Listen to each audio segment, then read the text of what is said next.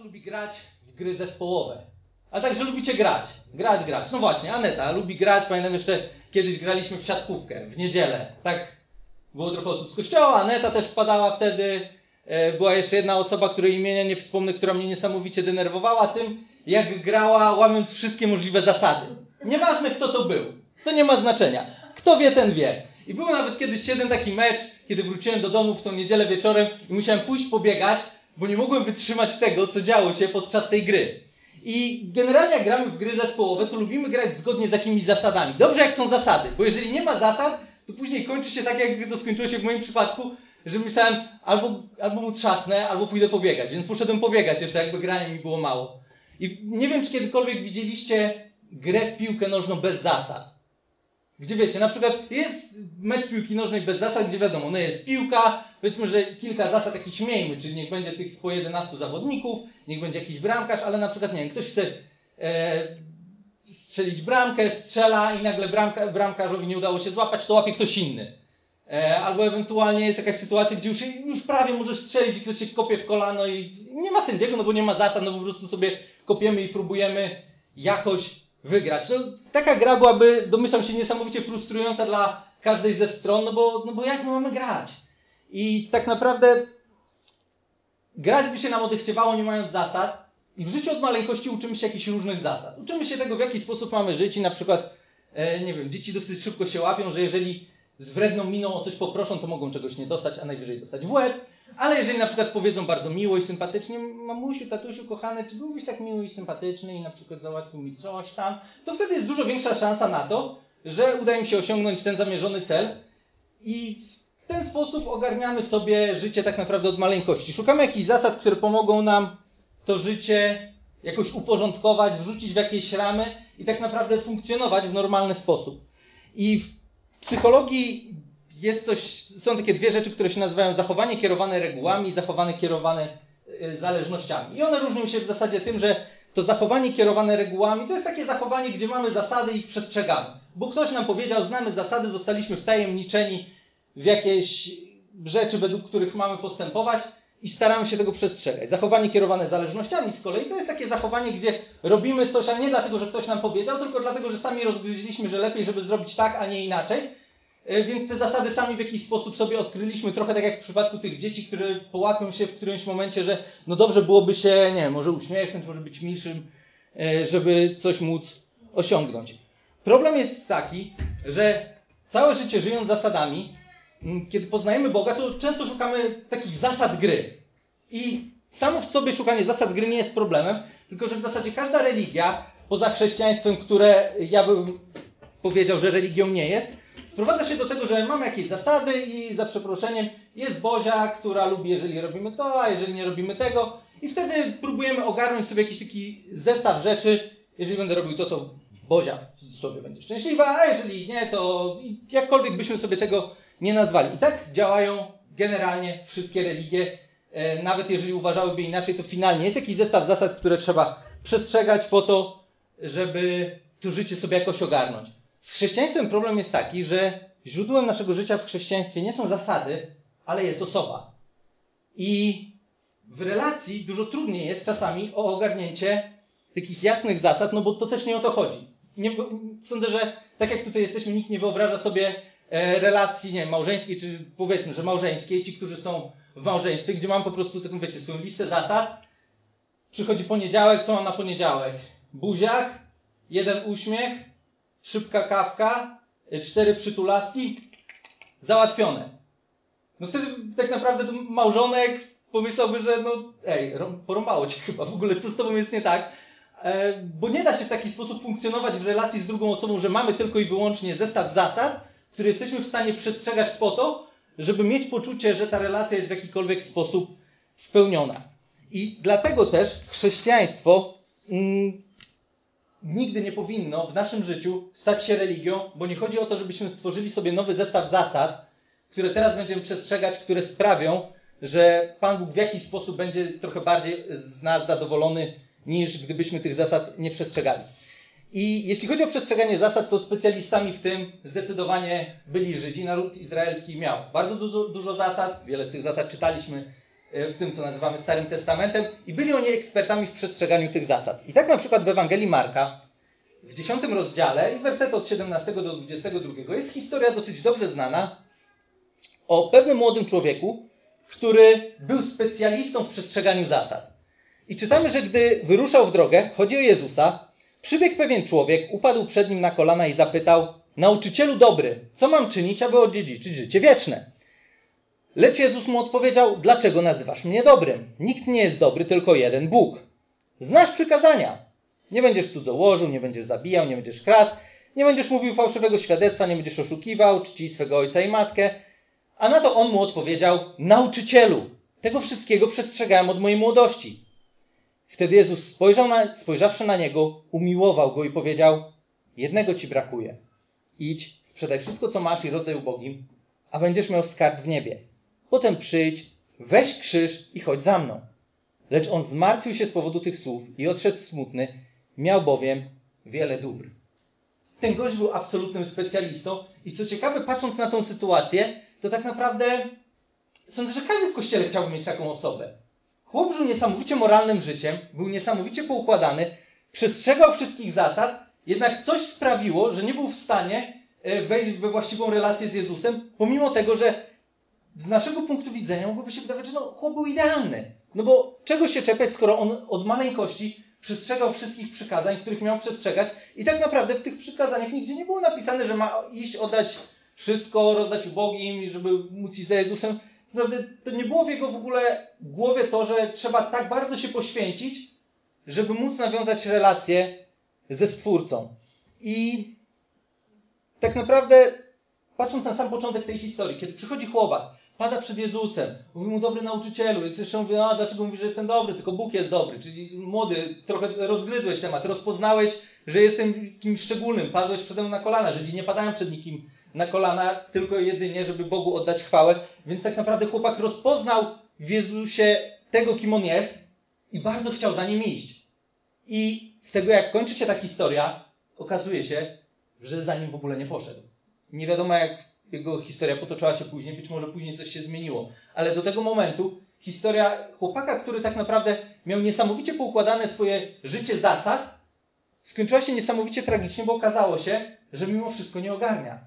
Bo w naszym życiu chrześcijańskim i źródłem naszego życia nigdy nie są zasady, ale relacja z osobą. I ta osoba miała, miała pewien pomysł na życie tego człowieka. I to nie, to nie jest znowu tak, że możemy my sobie wziąć z tego przy, przykład i powiedzieć, że dzisiaj każdy z nas musi iść rozdać wszystko, co ma rozdać ubogim i wtedy dopiero może iść za Jezusem, ale kto wie, może jest tak, że jest to coś, do czego Bóg w jakiś sposób chciałby poruszyć nasze serca. Ja tego nie wiem. Nie wiem, jak jest w sytuacji każdego z nas. Ważne jest to, że Jezus oczekuje takiej relacji, w której o cokolwiek On poprosi, to to, z czym się spotka, to będzie tak jest. I nie będzie żadnej jakiejś szczególnej dyskusji. I kiedy moje życie będzie się kręciło wokół zasad, a nie relacji, to w którymś momencie dojdziemy do miejsca, w którym albo tak jak ten młody człowiek będziemy sfrustrowani i zaczniemy zadawać pytania i próbować się dowiedzieć, okej, okay, niby robię to wszystko, niby moje życie powinno być idealne, ale widzę, że coś mi nie gra. Z drugiej strony można dojść do takiego miejsca, w którym też było wielu faryzeuszy, yy, z którymi Jezus bardzo dobrze się dogadywał, kiedy był na ziemi, bardzo lubili z nim rozmawiać i ich problemem było to, że generalnie oni mieli super poukładane zasady i byli tak niesamowicie dumni z siebie, że mieli poukładane zasady, że w sumie to myśleli sobie, że to nawet Jezus im do pięt, piętnie dorasta, no bo przecież oni wszystkie zasady mają ogarnięte. Jedną z takich osób był apostoł Paweł, który później, kiedy już został e, naśladowcą Jezusa, sam mówił o sobie, że te wszystkie zasady, to ta cała nienaganność, e, z jaką prowadził swoje życie, uznał za śmiecie wobec tego tylko, żeby poznać Chrystusa. I nikt tak naprawdę temu młodemu chłopakowi nie mógłby odmówić tego, że nie żył on zgodnie z Biblią. I czasami jest coś takiego, że żyjąc w Polsce, w kraju, który chrześcijański jest z nazwy, niekoniecznie z czegokolwiek innego, często jest tak, że imponujące nawet w naszym życiu dla ludzi może być to, że hej, oni, oni jakoś tak ten kościół ogarniają tak zgodnie z Biblią.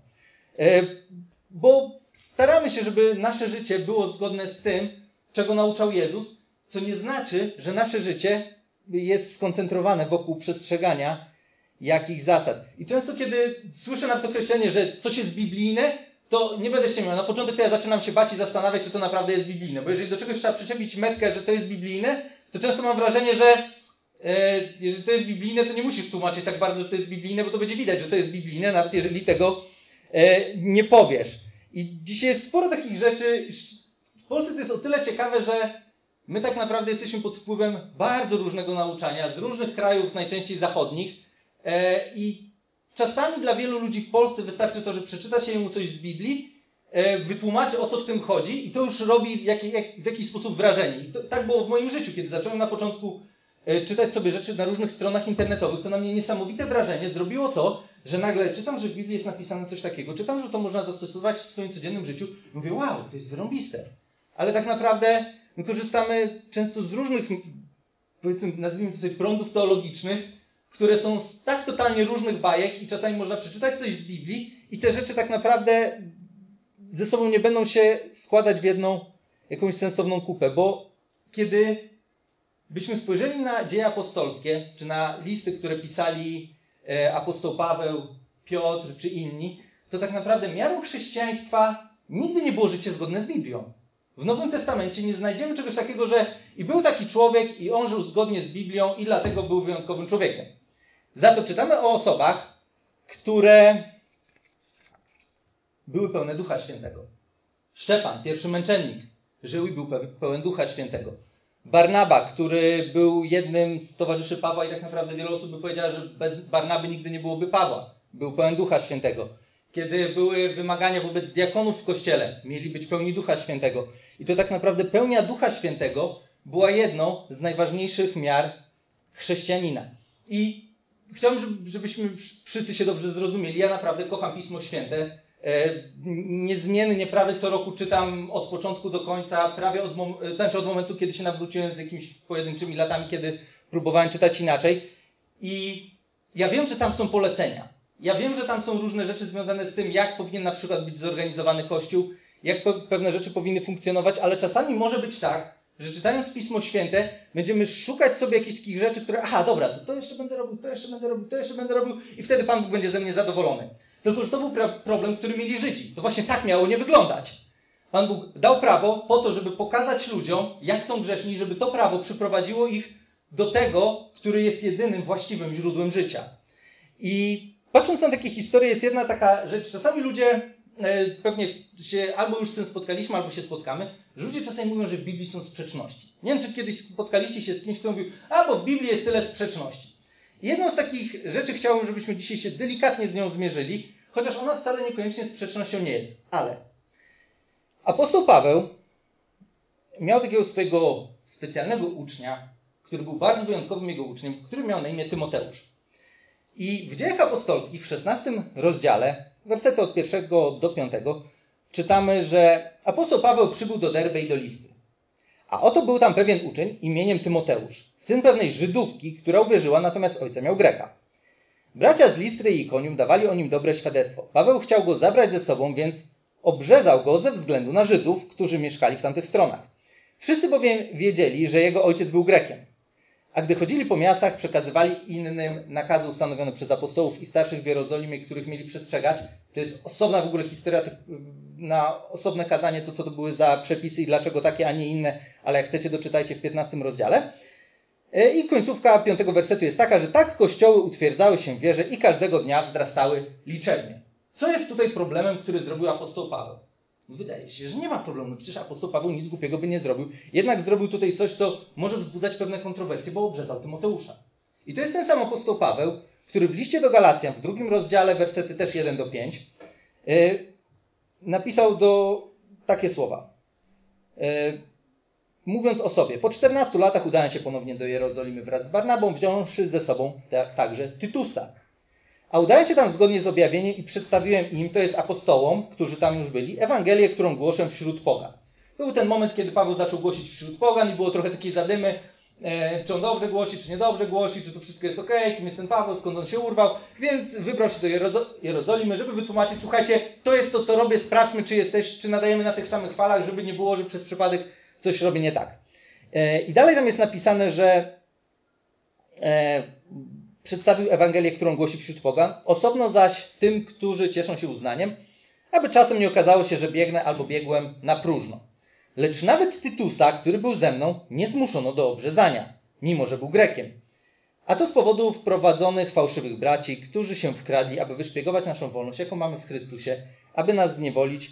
Nie ustąpiliśmy im ani na chwilę i nie poddaliśmy się, aby pozostał, pozostała wśród was prawda Ewangelii. I tak naprawdę cały list do Galacjan sprowadza się do dyskusji z tym, co trzeba robić jako chrześcijanin, żeby być zbawionym. I jedną z rzeczy, która wzbudzała tam największe kontrowersje, było to, że nie, macie się nie obrzezać. Tylko, że ten sam apostoł Paweł obrzezał Tymoteusza. I gdybyśmy dzisiaj spojrzeli na tą historię, to ja sądzę, że wielu znalazłoby się takich mędrców kościelnych, którzy powiedzieli, e, abstrahując od tego, jaka była chronologia, z każdej strony można to ugryźć. Czy najpierw napisał, później obrzezał, czy później, e, czy w drugą stronę. Mogło być tak. Drogi Pawle, jesteś wybitnym przywódcą w kościele, ale wygląda na to, że coś jest nie tak z Twoim nauczaniem, no bo z jednej strony piszesz, że nie można się obrzezywać, a obrzezałeś Tymoteusza. Jak mogłeś to zrobić? A z drugiej strony mogli być ludzie, którzy powiedzieli, Pawle, obrzezałeś Tymoteusza, a teraz nam mówisz, że mamy się nie obrzezywać. No o co Tobie chodzi? E, I sądzę, że Paweł całkiem dużym prawdopodobieństwem mógłby trafić na pewne strony internetowe, które szukają wszelkiej maści zwiedzeń, no bo tak naprawdę jest bardzo niekonsekwentny w swoim nauczaniu, wydawałoby się. Co oczywiście nie jest tutaj prawdą, bo sytuacja tutaj jest taka, że między Tytusem a Tymoteuszem była pewna różnica. Tytus był poganinem w ogóle. Tymoteusz z kolei był wychowywany w wierze żydowskiej. I o tym możemy przeczytać, kiedy Paweł pisze do samego Tymoteusza w jednym z listów. Ale nawet tutaj w dziejach apostolskich czytamy, że był on synem Żydówki, a ojciec był poganinem. Więc tak naprawdę Tymoteusz był trochę z innej kategorii niż e, Tytus, bo Tymoteusz był znany jako Żyd, pomimo tego, że miał ojca Greka.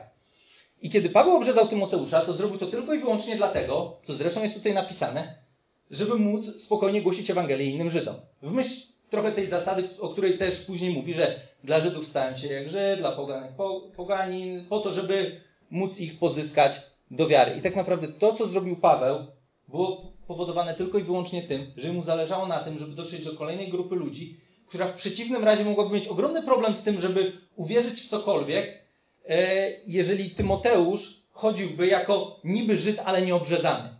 I to obrzezanie, które miało miejsce w przypadku Tymoteusza, w żaden sposób nie było związane z tym, czy on jest chrześcijaninem, czy nie jest chrześcijaninem, czy on jest zbawiony, czy nie jest zbawiony. To było związane tylko z tym, że chcemy iść do Żydów, dlatego zróbmy tak, żeby ci Żydzi nas przyjęli tak jak swoich. W związku z tym, drogi Tymoteuszu, wiem, że będzie bolało, ale zróbmy to, czego mama nie dopilnowała, kiedy byłeś mały. Albo na co tata być może się nie zgodził, który był Grekiem. I to, do czego to doprowadziło, to było to, że w piątym wersecie czytamy, że kościoły utwierdzały się w wierze i każdego dnia wzrastały liczebnie. Po tym, co zrobił Paweł, co mogłoby wzbudzać tak ogromne kontrowersje, bo kiedy przeczytamy list do Galacjan, cały ten list mówi tylko o tym, że jeżeli że jesteśmy zbawieni z wiary i nie dokładajmy do tego nic więcej, bo Ewangelia to jest to, że uwierzyliśmy i dlatego możemy żyć w relacji z Bogiem, możemy być pojednani z Bogiem. W drugim liście do Koryntian, ten sam zresztą Paweł, w trzecim rozdziale, w wersecie szóstym napisał, że on uczynił nas zdolnymi sługami nowego przymierza, nie litery, ale ducha. Litera bowiem zabija, duch zaś ożywia.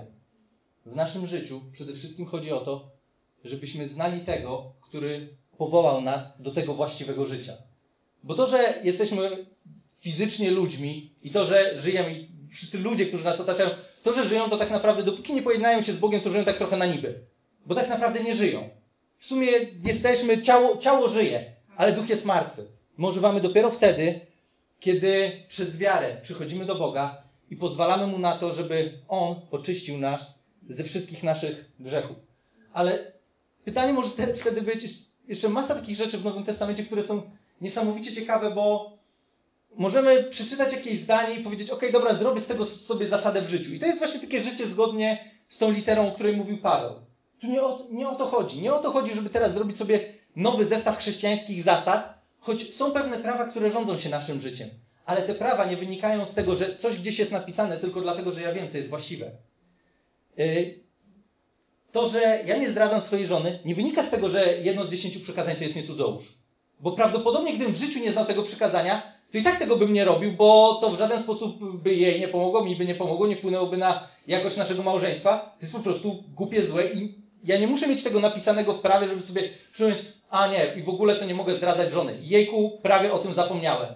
Tak naprawdę to, że coś jest napisane i że jest prawem, to, że my przestrzegamy tych pewnych rzeczy, nie wynika z tego, że one są napisane, tylko wynika tak naprawdę z tego, że Bóg zmienił coś w naszym życiu. I o tym czytamy w liście do Hebrajczyków. W ósmym rozdziale, werset od 8 do 13. I, y, tam napisa są napisane słowa, które Bóg y, przekazywał tak naprawdę do narodu izraelskiego. Że oto nadchodzą dni, mówi Pan, gdy zawrę z domem Izraela i z domem Judy nowe przymierze. Nie takie przymierze, jakie zawarłem z ich ojcami w dniu, gdy ująłem ich za rękę, aby wyprowadzić ich z ziemi egipskiej. Ponieważ oni nie wytrwali w moim przymierzu. Ja też przestałem o nich dbać, mówi Pan. I to było to przymierze, które polegało na tym, słuchajcie, tu jest lista zasad. Lecicie, zrobicie to wszystko, tu jest lista błogosławieństw, które za to dostaniecie. Kto gotowy? Start. No i nie poradzili sobie. Tak naprawdę nie było ani. Jedyne, co to prawo zrobiło, to pokazało, że nie ma ani jednej osoby, która jest w stanie to wypełnić, poza tą jedną osobą, która to wypełniła i która później stała się naszym zbawicielem. Ale przymierze, które Bóg zawarł z nami, jest takie. Takie zaś jest przymierze, które zawrę z domem Izraela po tych dniach, mówi Pan. Dam moje prawa w ich umysły i wypiszę je na ich sercach i będę ich im Bogiem, a oni będą mi ludem i nikt nie będzie uczył swego bliźniego ani swego brata, mówiąc poznaj Pana, bo wszyscy będą mnie znali, od najmniejszego aż do największego z nich. Będę bowiem łaskawy dla ich występków, a ich grzechów i nieprawości więcej nie wspomnę.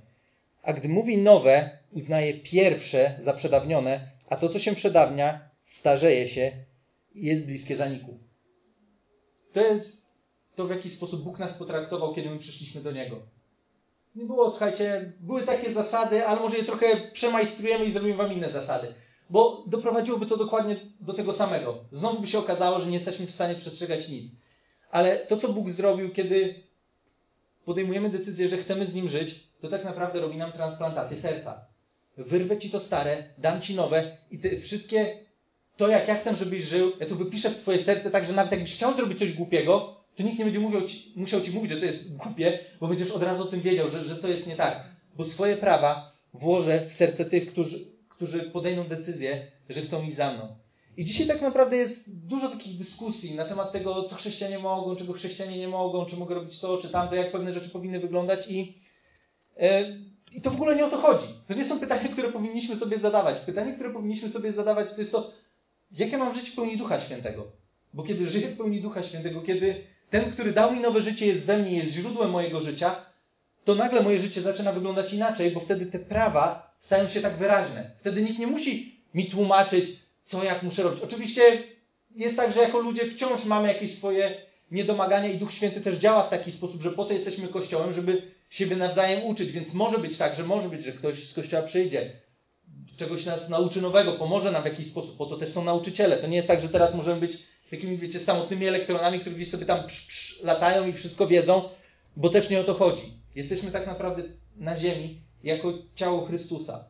I to może być trochę przerażające, bo kiedy myślimy sobie o tym, jak Jezus dzisiaj wygląda, nie wiem, tak jak Daniel, Dorota, tak jak Ewelina, tak jak Paweł, to wygląda dzisiaj Jezus.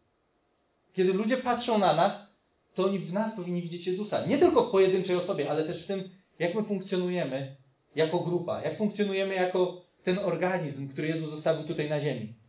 I o tym kilka tygodni temu rozmawialiśmy trochę więcej, ale dzisiaj tak dużo jest takiego, wiecie, takich dyskusji w stylu, nie wiem, jakieś szukanie tego, co który kościół robi źle i kto co robi lepiej. I tak naprawdę ja zawsze jak słyszę takie rozmowy, to tak sobie myślę, wiecie co, kochani, gdybyście mogli się cofnąć w czasie i zobaczyć, jak wyglądał kościół w pierwszym wieku, to w ogóle nikt z nas nie jest biblijny, tak szczerze mówiąc, bo dla kościoła z pierwszego wieku, który był bardzo biblijny, e, okazałoby się, że to, co my robimy, to w ogóle jest jakieś egzotyczne, w sensie, nie wiem, gitara, jakieś coś, w ogóle śpiewanie, o co tutaj chodzi. I nie mówię, że to są złe rzeczy. Tylko nie jesteśmy mierzeni przez miarę tego, co i jak robimy, ale przez miarę tego, jak blisko żyjemy tego, który nas powołał do życia. I to, że my dzisiaj w takiej formie spotykamy się w niedzielę i w taki sposób uwielbiamy Boga, to nie znaczy, że jest w jakikolwiek sposób choć. Gdyby ktoś chciał bardzo się czekać, to, to możemy powiedzieć, słuchaj, no nie wiem, no to zobacz sobie na Kościół w pierwszym, w pierwszym wieku. Wyglądał zdecydowanie inaczej. co jest jeszcze ciekawsze, Kościół w pierwszym wieku nie miał Biblii. Oni nie mieli Biblii tak, jak my ją znamy dzisiaj. Nawet jeśli chodzi o sam Nowy Testament, to może być tak, że masa osób, które były częścią tych pierwszych chrześcijan, którzy podejmowali decyzję, że chcą iść za Jezusem, to jest to, o czym rozmawialiśmy kilka miesięcy temu w tej serii Co za historia. Może znali jeden list Pawła, może dwa listy Pawła, a może gdzieś jakiś kawałek Ewangelii Marka się im trafił. I tak naprawdę to było wszystko, co oni mieli. Oni nie mieli Biblii w taki sposób, jaki my ją mamy dzisiaj. A mimo wszystko byli kościołem, który może być dla nas dzisiaj wzorem. Nie mając książki, które czasami w naszych domach, czy w domach wielu ludzi w Polsce, w ogóle gdziekolwiek, prostu leży, gdzieś tam jest już przykryta odpowiednią warstwą kurzu, no bo, no bo jest jakaś książka. Oni tego nie mieli, a daliby się pociąć za to, żeby móc przeczytać to wszystko, co Paweł pisał do różnych kościołów, żeby przeczytać te wszystkie relacje życia Jezusa, które, które gdzieś tam latały między różnymi wspólnotami. Tu Marek coś napisał, tam Łukasz coś napisał. Oni mieli tylko jakieś fragmenty tego, a jednocześnie byli w stanie być kościołem, który wywrócił świat do góry nogami. I tak zresztą o nich wtedy mówiono. Nie mając tego, co my mamy dzisiaj, żyli w sposób, który tak naprawdę był trochę inny niż nasz. I to może czasami sprawić, że, że zaczniemy się zastanawiać, kurczę, co jest z nami nie tak. Ja często sobie zadaję to pytanie, co jest ze mną nie tak? O co chodzi? Bo jeżeli oni funkcjonowali w taki sposób, a nie mieli tego, co my mamy, to co oni mieli takiego, czego może mi dzisiaj brakuje? Ale to, o czym czytamy, szczególnie jeśli chodzi o dzieje apostolskie, też w tych listach, które Paweł pisał, to, co ich wyróżniało, to była pełnia ducha. Oni mieli relację z osobą, która została zesłana na ziemię po to, żeby tego wszystkiego, czego nauczał Jezus, nauczać i żeby to wszystko wyryć w naszych sercach. I to, co sam Jezus powiedział o sobie, mm, to, co, co miało sprawić, że ludzie będą widzieć, że chrześcijanie są inni, to nie, było, nie były wszystkie nowe rzeczy, które chrześcijanie będą robić, ale to jak chrześcijanie będą siebie kochać. I to Jezus powiedział w Ewangelii Jana w 13 rozdziale, i to są wersety 34, 35. Bo mimo wszystko tak się zastanawiam, no dobra, no ale Jacek, no chyba są jakieś zasady. No tak i nie. Znaczy podstawową zasadą jest to, żebyśmy żyli w relacji z tym, który nas powołał do życia i On nas uczy tego, w jaki sposób mamy żyć. Ale Jezus powiedział takie słowa. Daję wam nowe przykazanie, abyście się wzajemnie miłowali, tak jak ja was umiłowałem, abyście i, abyście i wy wzajemnie się miłowali. I co jest najciekawsze, to ode mnie, po tym wszyscy poznają, że jesteście moimi uczniami, jeśli będziecie się wzajemnie miłować. Nie po tym wszyscy poznają, że jesteście moimi uczniami, że będziecie obsmarowywać innych w internecie, nie po tym wszyscy poznają, że jesteście moimi uczniami, że będziecie mieli listę 200 zasad, które będziecie bardzo skrupulatnie przestrzegać. Nie po tym wszyscy poznają, że jesteście moimi uczniami, że będziecie się modlić po 3 godziny dziennie. Nie po tym wszyscy poznają, że jesteście moimi uczniami, że cokolwiek byśmy tutaj sobie nie wymyślili. Po tym wszyscy poznają, że jesteście moimi uczniami, że będziecie się wzajemnie miłować. I to może się wydawać. I to wszystko dla Jezusa to było, to było wszystko. Oczywiście to nie sprawia, że e, teraz nie wiem, powiem, a nie, nie czytajmy, wiecie, nie czytajmy Biblii, bo, bo mamy się wzajemnie miłować, bo tak naprawdę to Biblia pokazuje nam, jak ta miłość, ma, jak ta miłość wygląda. Jak Bóg sobie wyobraża tą miłość. Jak ta miłość wyglądała w kościele, który może być dla nas dzisiaj wzorem, który też zresztą miał wiele różnych swoich problemów. Ale to tak naprawdę miłość ostatecznie zdefiniuje to, kto ma rację. I przy tych wszystkich takich czasami, wiecie, rozgrywkach, no jak wiecie, większość z nas jest na Facebooku, nie powiem, że wszyscy, bo jest kilka osób, których nie ma na Facebooku i, i zdecydowanie im jest zdrowiej pewnie z tego powodu. Ale przy tych wszystkich rzeczach, które można dzisiaj znaleźć w internecie, które można przeczytać na Facebooku, czasami tak patrzę sobie na to wszystko i myślę sobie, jak ja się cieszę, Boże, że ja tego wszystkiego nie czytałem wcześniej. Bez chrześcijanami nie wiem, czy bym chciał mieć dużo do czynienia. Bo co jeden to mądrzejszy od drugiego. Co jeden to ma większe objawienie prawdy. A to, co Jezus powiedział, to jest to, że to po miłości ludzie nas poznają, a nie po tym, kto z nas będzie miał więcej racji. Bo ostatecznie nikt z nas nie ma pełnej racji. Tak naprawdę pełnię objawienia będziemy mieć dopiero, kiedy będziemy z Nim. I to wciąż nie będzie pełnia, bo tak naprawdę ciągle będziemy mogli nawet w niebie odkrywać Boga jeszcze bardziej, jeszcze bardziej, jeszcze bardziej, jeszcze bardziej, bo On jest nieskończony. To nie jest tak, że w którymś momencie dojdziemy do miejsca, że poznaliśmy Boga tak, że mamy poznanego, jest ogarnięty nawet w niebie, no bo wtedy by nie był Bogiem. Tak naprawdę, gdybyśmy Go ogarnęli w taki sposób, że już mamy Boga ogarniętego, no to co, co, co z Niego za Bóg? Będziemy Go poznawać jeszcze więcej, jeszcze więcej, jeszcze bardziej będziemy odkrywać to, jaki jest niesamowity, jaki jest wspaniały, jaki jest wszechpotężny i tego będzie jeszcze więcej, jeszcze więcej.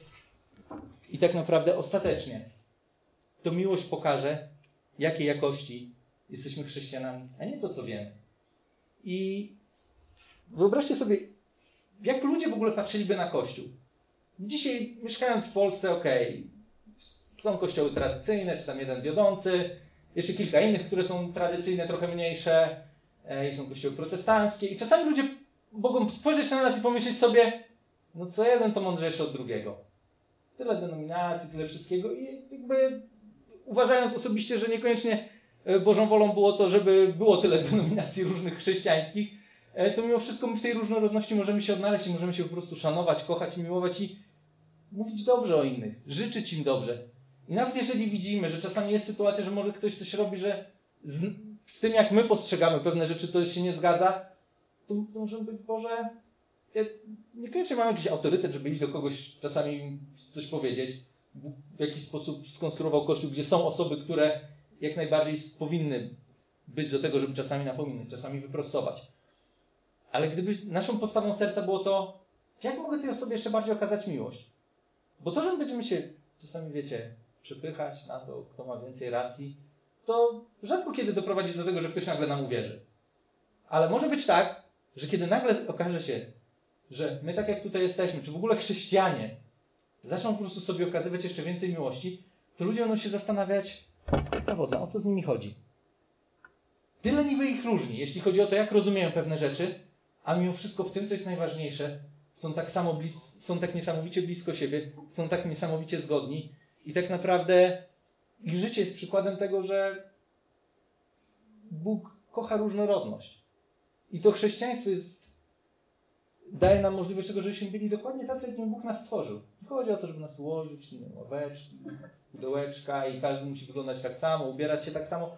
Każdy może być sobą, a jednocześnie w tej różnorodności możemy sobie okazywać miłość, możemy siebie obdarzać szacunkiem i przez to sprawić, że ludzie spojrzą na nas i powiedzą, o co w tym chodzi? O co chodzi w tym chrześcijaństwie i co sprawia, że ci ludzie potrafią się tak kochać. I na koniec chciałem, żebyśmy się krótko pomodlili. Właśnie przede wszystkim o to, żebyśmy każdego dnia chodzili w pełni Ducha Świętego i żyli po prostu w bliskiej relacji z Bogiem. Żebyśmy żyli blisko tego, który powinien być źródłem naszego życia. To mówiąc, że powinien, nie mam na myśli tego, że koniecznie nie jest, ale żebyśmy zawsze pamiętali o tym, że w naszym życiu nigdy nie będzie chodziło o listę zasad, ale będzie chodziło o to, jak blisko jesteśmy tego, który w nasze serca włożył swoje prawa, który wypisał je w nas, po to, żebyśmy my mogli żyć dokładnie tak, jak On chce, żebyśmy żyli. Jezu, dziękuję Ci za to, że dałeś nam swojego ducha, po to, aby On uczył nas tego wszystkiego, czego Ty nauczałeś, aby On przypominał nam te prawdy, które, które były centrum Twojego życia, Twojego nauczania, kiedy tutaj byłeś. I modlę się o to, Boże, abyśmy zawsze potrafili patrzeć na siebie z miłością. Nawet jeżeli się nie rozumiemy, nawet jeżeli mamy inne zdanie, nawet jeżeli ktoś ma rację, a ktoś inny nie ma. Modlę się o to, Panie, abyśmy zawsze przede wszystkim patrzyli na siebie na samym początku przez pryzmat miłości. Przez pryzmat tego, że my i tak wszystkiego nie wiemy. Ale Ty nam powiedziałeś, że po tym ludzie nas poznają, że będziemy się wzajemnie miłować że będziemy o siebie dbać, że będziemy siebie szanować. I modlę się o to, aby to było coś, co jest absolutnym centrum naszego życia. Bycie w relacji z Tobą, sprawienie, że Ty jesteś źródłem naszego życia i później ta miłość, którą Ty wlewasz w nasze serca, niech będzie tym, co przelewa się na innych, których spotykamy każdego dnia. Modlę się o to, Boże, aby po tym ludzie poznali Kościół tutaj w Kościerzynie, że się wzajemnie kochamy i żeby zastanawiali się, o co chodzi, że oni są tak różni, że czasami może się nie zgadzają, a mimo wszystko tak niesamowicie się kochają. Może mają różne zdania na jakiś temat, ale mimo wszystko potrafią się darzyć tak niesamowitą, pełną ofiarności miłością. Boże, niech potem ludzie nas znają, że się wzajemnie miłujemy.